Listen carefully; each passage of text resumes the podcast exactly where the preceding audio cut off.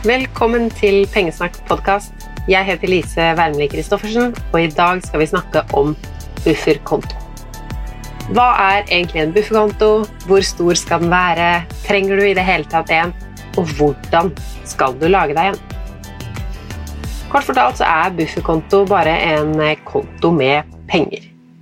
Og de pengene vil du ha der fordi plutselig kan det komme en eller annen utgift. Du kan plutselig trenge penger og så har du ikke nok på brukskonto. Så bufferkontoen bør altså være en egen, helt separat konto. En sparekonto, og ha den gjerne i en annen bank.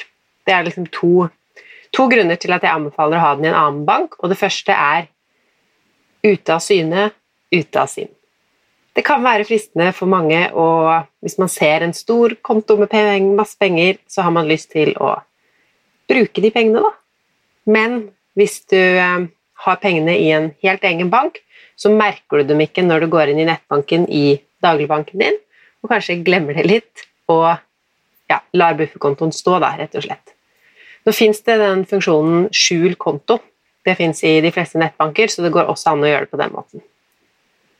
Den andre fordelen med å ha bufferkontoen i en annen bank, er at du kan få bedre rente. Så sjekk litt rundt hvilke banker som tilbyr kanskje en bedre rente enn det dagligbanken din gjør.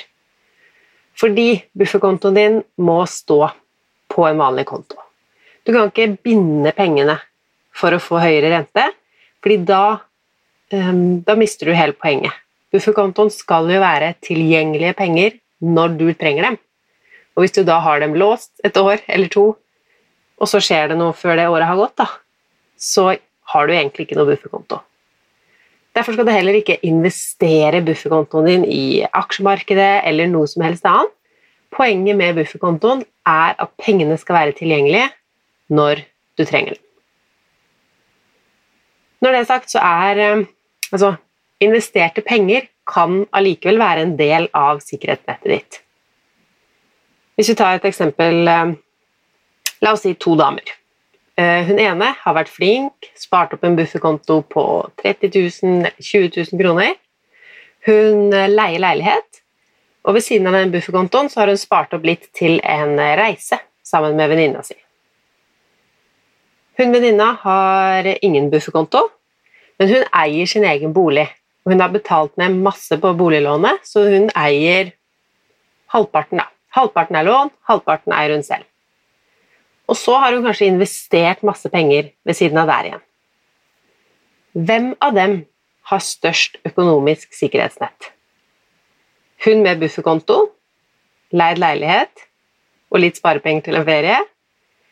Eller hun uten bufferkonto, men med god sikkerhet i egen bolig og en million investert i aksjemarkedet? Det er egentlig litt um, lurespørsmål. Eller sånn det kommer an på hva som skjer. La oss si at de er på den jenteturen sin, da, eh, i Portugal eller hvor som helst, og så skjer det plutselig noe. Et vulkanutbrudd, sånn at de blir eh, askefast. Akkurat nå så tenker vi at korona er det rareste som kunne skje.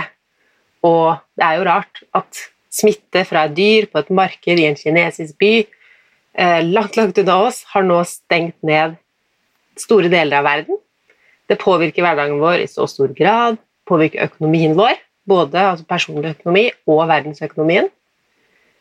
Men det har skjedd uforutsette ting før, og det kommer til å skje uforutsette ting i framtiden også. Så ja, disse damene blir sittende askefast og finner ut at de skal ta toget hjem fra Portugal. De er så klart ikke de eneste som har tenkt på det, så togbillettene har blitt dyre. Veldig dyre. Hvem av de to sitter best i det da. Hun med bufferkontoen kan jo overføre fra bufferkontoen og kjøpe hva hun vil, mens hun andre har jo ingen tilgjengelige midler. Hun har kanskje et kredittkort, og jeg sier ikke at det er feil å bruke kredittkortet i sånne situasjoner, men hvis du ikke har penger til å betale kredittkortregninga når den forfaller neste måned, ja, da er ikke egentlig kredittkortet en del av sikkerhetsnettet ditt. Jeg syns ikke det, i hvert fall, fordi det blir for dyrt. La oss si nå at disse damene kommer hjem fra ferien, og begge har mista jobben. hvem har best sikkerhetsnett da? Da er kanskje ikke den bufferkontoen på 20 000 altså De rekker ikke så langt når husleia må betales. Hun andre hun kan eh, låne opp på huset, hun kan søke om avdragsfrihet på boliglånet sitt. Så det å ha nedbetalt lån, det er også en del av sikkerhetsnett. Og eh, Hun har jo også investert mye penger på børs, så i de fleste perioder så kan hun også selge seg ut av investeringene sine. Men det vil man jo ikke gjøre i en periode hvor markedet er mye ned. Så Derfor så er poenget mitt ja, det er bra å eie sin egen bolig og ha nedbetalt lånet, sånn at du har en stor sikkerhet i bolig. Ja, det er bra å ha investert penger, fordi de vokser og blir flere på sikt. Og de kan jo også brukes, selv om du får ikke kjøpt noe togbillett for de pengene sånn, eh, sånn på dagen. Um, ja, det er kjekt å ha kredittkort eller to, tre. Grensa går kanskje på tre. Men bufferkonto, det bør du allikevel ha. Og hvorfor det? Hvorfor er det så viktig med denne bufferkontoen? Ting kan bli ødelagt. Det er det ene. Ting du eier, kan bli ødelagt. Enten om det er bilen som har en reparasjon, en tann som eh, detter ut eller sprekker, at du trenger et eller annet. Du kan gå ned i inntekt eller miste jobben. Mange som hadde fast jobb, har nå funnet ut at det er kanskje ikke noe som heter fast jobb. Ikke i det private, i hvert fall. Og har du penger, så har du penger til å hjelpe deg selv om noe uforutsett skulle skje. Og helsa di kan du kreve store summer. Det kan være en grunn alene til å ha bufferkonto. Vi snakket jo om forsikringer i eh, forrige episode. Mange ting kan du forsikre deg mot, men ikke alt. Du kan f.eks. For ikke forsikre deg mot å bli permittert. Og alle ting som blir ødelagt, er heller ikke noe du får igjen på forsikringa for, eller som er så dyrt at det er verdt å Altså at egenandelen kan jo være høyere enn det det faktisk koster, men det kan allikevel være snakk om flere tusenlapper som du ikke bare har liggende hvis du ikke da har en bufferkonto. Så kommer liksom det store spørsmålet, da. Hvor stor skal bufferkontoen være? Og det er veldig mange som lurer på det. Eh, det finnes også de som påstår å ha et svar. Jeg er ikke en av dem. Ikke sånn som har et enkelt svar, i hvert fall. Og det er fordi det varierer helt enormt hvor stor en bufferkonto bør være. Hvis vi går tilbake til de to damene, da, så trenger kanskje ikke hun med lav belåningsgrad Lav belåningsgrad det betyr at hun eier mye av boligen sin selv. Hun har jo også massevis av penger investert. Hun trenger kanskje ikke verdens største bufferkonto. Samtidig jeg har lav belåningsgrad på mitt hus. Jeg har eh, mye penger investert. Ikke én million som hun i eksempelet, men eh, en del. Allikevel så føler jeg et stort behov for bufferkonto. Og det handler om usikker inntekt. Lav inntekt, kan man til og med si. Um, jeg snakket om det for noen uker siden i en podkastepisode som heter 'Jeg bruker mer enn jeg tjener'. Så hvis du er interessert i hvordan det står til med akkurat min økonomi, så kan du scrolle deg tilbake og høre på den episoden. Den ender med en anbefaling om å lage, lage seg et uh, godt økonomisk sikkerhetsnett og det er derfor jeg ville lage denne episoden om bufferkonto i dag. I tillegg til usikker inntekt så har jeg et gammelt hus. Et hus som er snart 100 år gammelt. Her kan det også skje litt av hvert. Det kan skje ting i nye hus òg, så det er litt sånn Jo mer du eier av ting, jo mer må du ha i bufferkonto. Og hvordan man finner ut akkurat hvor stor sin egen bufferkonto bør være, det er jo både økonomisk, men også har det emosjonelle aspekter. Jeg er en trygghetssøkende person, og jeg trenger derfor en større bufferkonto enn en person som veit at alt ordner seg til slutt. Så noe går på det følte behovet, mens det meste går jo på faktisk behov. Og det er jo det som er så umulig å si noe helt konkret. Hadde vi visst akkurat hva som skulle bli ødelagt når, om vi kom til å måtte fikse noe i boligen, når vaskemaskinen ryker, eh, når hunden skal bli syk, og hvor stor veterinærregninga blir, akkurat hvor lenge vi kommer til å være arbeidsledige når vi mister jobben, da kunne vi jo ha bare spart opp til akkurat det. Så det er det som gjør bufferkonto litt tricky. Du sparer til noe du ikke vet om kommer til å trenge. Og så sparer du jo til ting du håper ikke skal skje. Så vi må heller tenke hva kan skje? Jo, du kan miste jobben. Du kan bli permittert, som mange har opplevd nå. Har du flere inntektskilder enn én, så er du bedre rusta enn om du tjener alle pengene dine hos én arbeidsgiver. Og Hvis du mister inntekt i en periode, så er det kanskje ikke så lett å få en ny jobb på dagen. Så ta utgangspunkt i at du, må, eh, at du får dagpenger. Sånn sett så er jo ikke Norge det landet hvor du trenger størst bufferkonto. Men eh, undersøkelser viser Litt teit av meg å si undersøkelser viser uten at jeg kan vise til hvilke, men jeg hørte noen si at svært få nordmenn har en bufferkonto i det hele tatt. Og det er jo ikke bra. Vi har ikke så gode systemer her at alt løser seg uansett. Så ha en buffer, men tenk på størrelsen. Hvor stor trenger den å være? Eh, et tips når du tenker på det med å miste lønn, gå inn på Nav sin dagpengekalkulator og sjekk hva slags utbetalinger hadde du fått om du ble permittert i dag. Og så ser du på den summen. Er det nok til å dekke dine utgifter hver måned? Og hvis svaret er nei, så må du begynne å spare til en bufferkonto som kan dekke differansen mellom dagpenger og det du trenger å få inn i måneden. Så da må du også tenke litt hvor mange måneder vil det ta å skaffe en ny jobb? Hvis vi sier et halvt år, eh, dagpengeutbetalingene dine er 20 000, du trenger 24 000 i måneden, så må du ta den differansen, som er 4000, gange den med seks måneder, da trenger du en bufferkonto på rundt 25 000 kroner. 24 000 kroner. Men så kan det jo skje andre ting òg.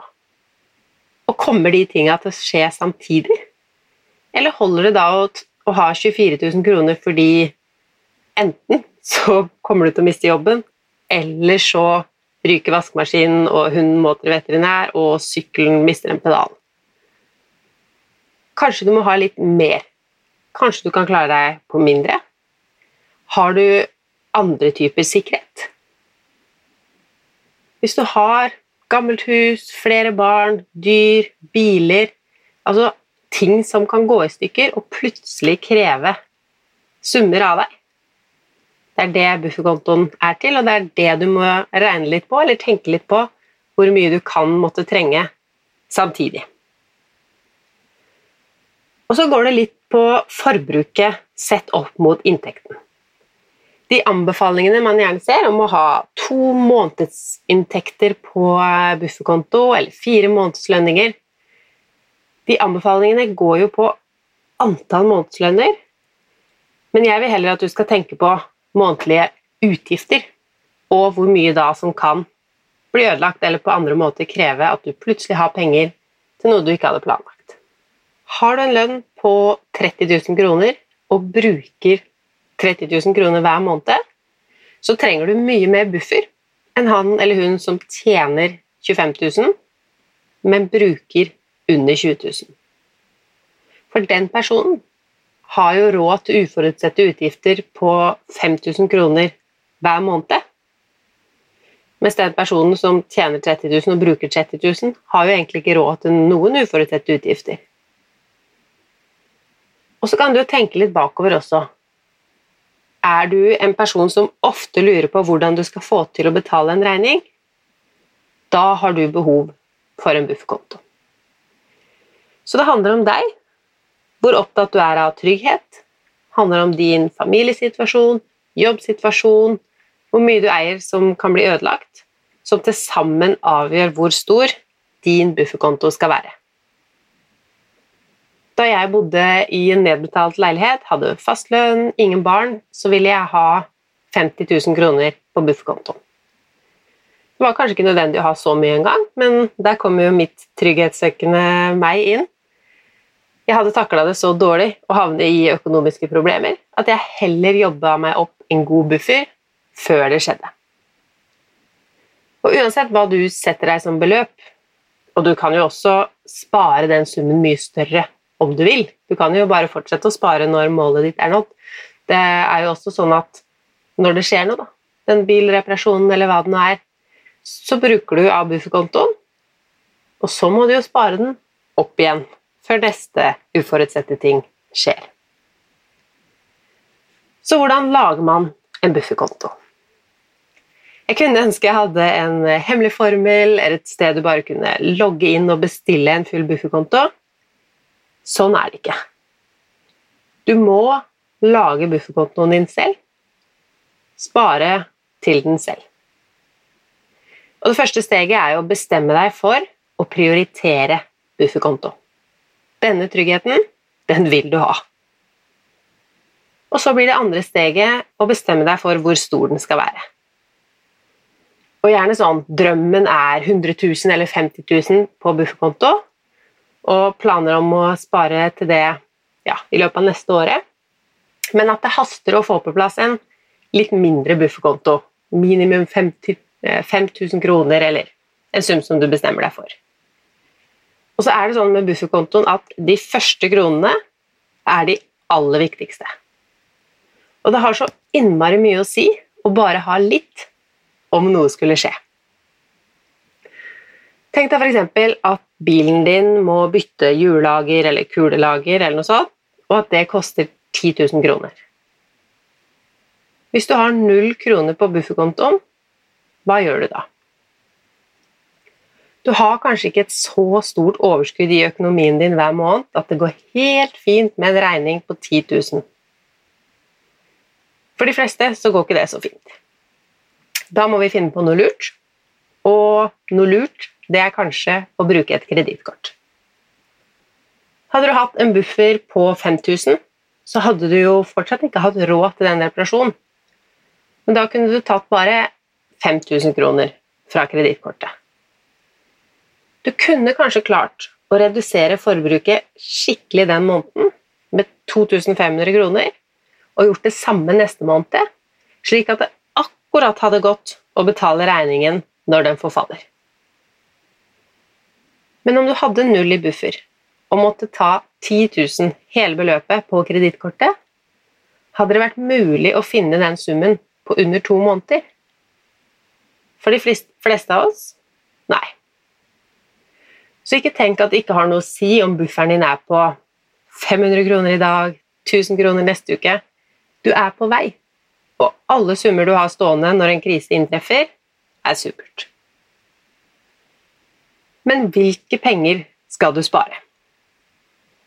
Det kommer litt an på hvilken type du er. Hvis du er der at du har et budsjett, du fører regnskap, du veit hvor alle pengene går, men du har ikke noen bufferkonto, så må du inn i budsjettet ditt og faktisk kutte ned på noe annet. Da må du prioritere bort noe du vanligvis bruker penger på en stund og bruke de pengene til buffer. Eller du kan jobbe for å få mer penger inn, og la det bli bufferkontoen din. Jeg følger en eh, hundeeier på Instagram som alltid plukker søppel og pant når hun er ute på tur med hunden. Det er ikke store summen per boks eller flaske, men det er gratis penger, Og med flere turer hver dag så blir det ofte 100 kroner i uka eller over det. Hun rapporterer hver uke på Instagram. Og det er ikke de største summene, men jeg tenker at det gjør noe med deg om du bryr deg om å tjene de 60 eller 130 kronene i uka. Når du bryr deg om de, så begynner du også å tenke på andre relativt små summer med litt større respekt. Og det hjelper deg helt klart til å lage en bufferkonto. Noen av dere som hører på, har kanskje mulighet til å jobbe ekstra på den jobben dere har. Ta noen småjobber. Altså på en eller annen måte få fylt opp i alle fall de første tusenlappene på bufferkontoen din. Så blir det da enten å finne noe å kutte ut, droppe fredagspilsen et par ganger, droppe HBO i noen måneder, dropp den høstturen til Paris. Det vil du jo kanskje måtte gjøre uansett nå. Det er kjipt, men da sitter du igjen med en bufferkonto og det er ikke så kjipt. Så dere andre. Jeg er, eller var iallfall, mer den typen som Jeg hadde jo kontroll på forbruk, men jeg visste ikke akkurat hvor mye som gikk til hva. Eller dere som Det blir tomt hver måned uansett. Men det er ikke noe plan bak det. Det går liksom alltid akkurat i null. Hvordan lager vi oss en bufferkonto på best mulig måte? Det kan faktisk være enklere enn for de som har budsjettet sitt og full kontroll. For det første så kan vi gjøre de samme tingene. Vi kan droppe en utgift en stund og spare de pengene, eller skaffe ekstra penger inn. Kan bli med på selge 100-utfordringen f.eks., og alle de pengene du får inn, kan gå til bufferkonto. Hvis du lurer på hva selge 100 er, så finner du all info om det på pengesnakk.no. Min favorittmetode for all sparing er automatisk sparing. Og du kan bygge buffer med automatisk sparing. Eller la meg gi deg tre alternative planer for månedlig sparing til bufferkonto. Enten så velger du deg et beløp og lar det beløpet gå fra kontoen penger kommer inn på, til den kontoen du skal ha buffer på, én gang i måneden. Har du flere inntektskilder eller får utbetalinger annenhver uke, så kan du ha fast overføring annenhver uke til bufferkontoen din. På den måten så fyller den seg opp over tid, kanskje uten at du trenger å merke det eller tenke på det. For du setter det opp som automatisk trekk, så du må ikke gjøre noe bevisst hver måned. Et alternativ for deg som er litt mer stressa og vil ha på plass den bufferen raskere, det er å fortsatt sette opp det automatiske trekket, men å ved siden av jobbe med å finne ekstra hundrelapper de neste ukene for å fylle opp raskere. Bruk kanskje en spareapp. Føre over noen kroner hver gang du dropper å kjøpe noe du pleier å kjøpe, eller noe du hadde lyst til å kjøpe. På den måten får du raskere laga deg en god buffer. Du kan også opprette sånn eh, morsomspar eller mikrospar. Det heter litt forskjellig i de ulike bankene. Det handler om at hver gang du bruker penger, drar kortet eller betaler en regning, så vokser også buffkontoen din. Du velger selv hvilket beløp. Det er mange måter å få buffkontoen til å vokse på når du først har bestemt deg for at dette vil du. Og for deg som ikke har penger til bufferkonto akkurat nå, eller ikke ser hvordan det er mulig, sett opp et lavt autotrekk. Det kan være så lite som 50 kroner i måneden. Det er jo ikke sikkert det skjer noe uforutsett på en stund. Og hvis det gjør det, så er det mer hjelp i 150 kroner enn i null. Ta også og Prøv ut eh, spareballongene. De ligger på pengesak.no, Kan printe ut det gratis derfra. Der står det også hvordan du bruker ballongene for å bygge bufferkontoen din. Det handler om at vi starter med 1% av det du får utbetalt denne måneden. Sparer det til buffer og fargelegger én ballong. Vi øker til 2 av eh, utbetalingen neste måned og fargelegger to ballonger. Og så kan du fortsette å øke, eller holde deg til 2% og to ballonger hver lønningsdag framover. Og så får du se, når hele arket er fargelagt, om det er stor nok bufferkonto for deg, eller om du vil fortsette å spare. Du kan også velge et beløp hver ballong skal symbolisere, og så fargelegge når bufferen har nådd de ulike målene. Og så kommer en kanskje enkel måte å fylle bufferkontoen raskt på. Det kan komme penger flyvende din vei snart. Hva om du fikk igjen på skatten? Noen av dere har jo allerede mottatt pengene så, i så fall, men ikke alle. Kan det være en start på bufferkonto? Og hva med feriepengene? Nå leser jeg at mange firmaer lurer på om de klarer å betale ut feriepengene til sine ansatte. Det er jo ikke bra. Det er jo penger de har spart for de ansatte. Men uansett, når du får dine feriepenger, kanskje det er kickstarten på din bufferkonto. Og om du må eller vil bruke noe av det på andre ting, eller om alt ekstra kan gå til bufferkonto For mange av oss så blir det jo litt billig ferie i år, Norgesferie kan bli dyrt nok, det, altså, men det kan også være billig. Ha en uh, hyggelig staycation, bruk litt penger, men står du helt uten bufferkonto, ville jeg brukt feriepengene på å sikre meg økonomisk. Ja, jeg vet at vi bør bruke penger nå for å holde hjulene i gang, men det er ikke bra samfunnsøkonomi om du blir stående helt uten økonomisk sikkerhetsnett når du plutselig trenger penger til en uventa utgift, eller generelt til trangere tider heller. Så en bufferkonto vil jeg i alle fall råde deg til å ha før du shopper i vei for å støtte næringslivet. Og hvis du er under 34 og ikke er eh, Altså hvis du sparer i BSU, så kan det være greit å vite at de pengene låses ikke før i romjula. Så hvis du har klart å spare masse penger der, kanskje maksgrensa på 25 000, så er de pengene tilgjengelig som en bufferkonto for deg. Men spar videre et annet sted, for har du kun BSU-en som bufferkonto, så har du plutselig null kroner i buffer 1.1., for da er pengene låst. Og en ting til på slutten her er hvis du har dyr gjeld, bare en saldo på mastercardet f.eks., prioriter det først. Og det er ikke fordi det ikke hadde vært deilig for deg også å ha en bufferkonto til uventede utgifter, men fordi bufferkontoen må du ha et sted med lav rente, kanskje så vidt du holder tritt med inflasjon. Har du en saldo på kredittkortet eller har et forbrukslån, det koster deg penger hver måned. Ganske mange rentekroner.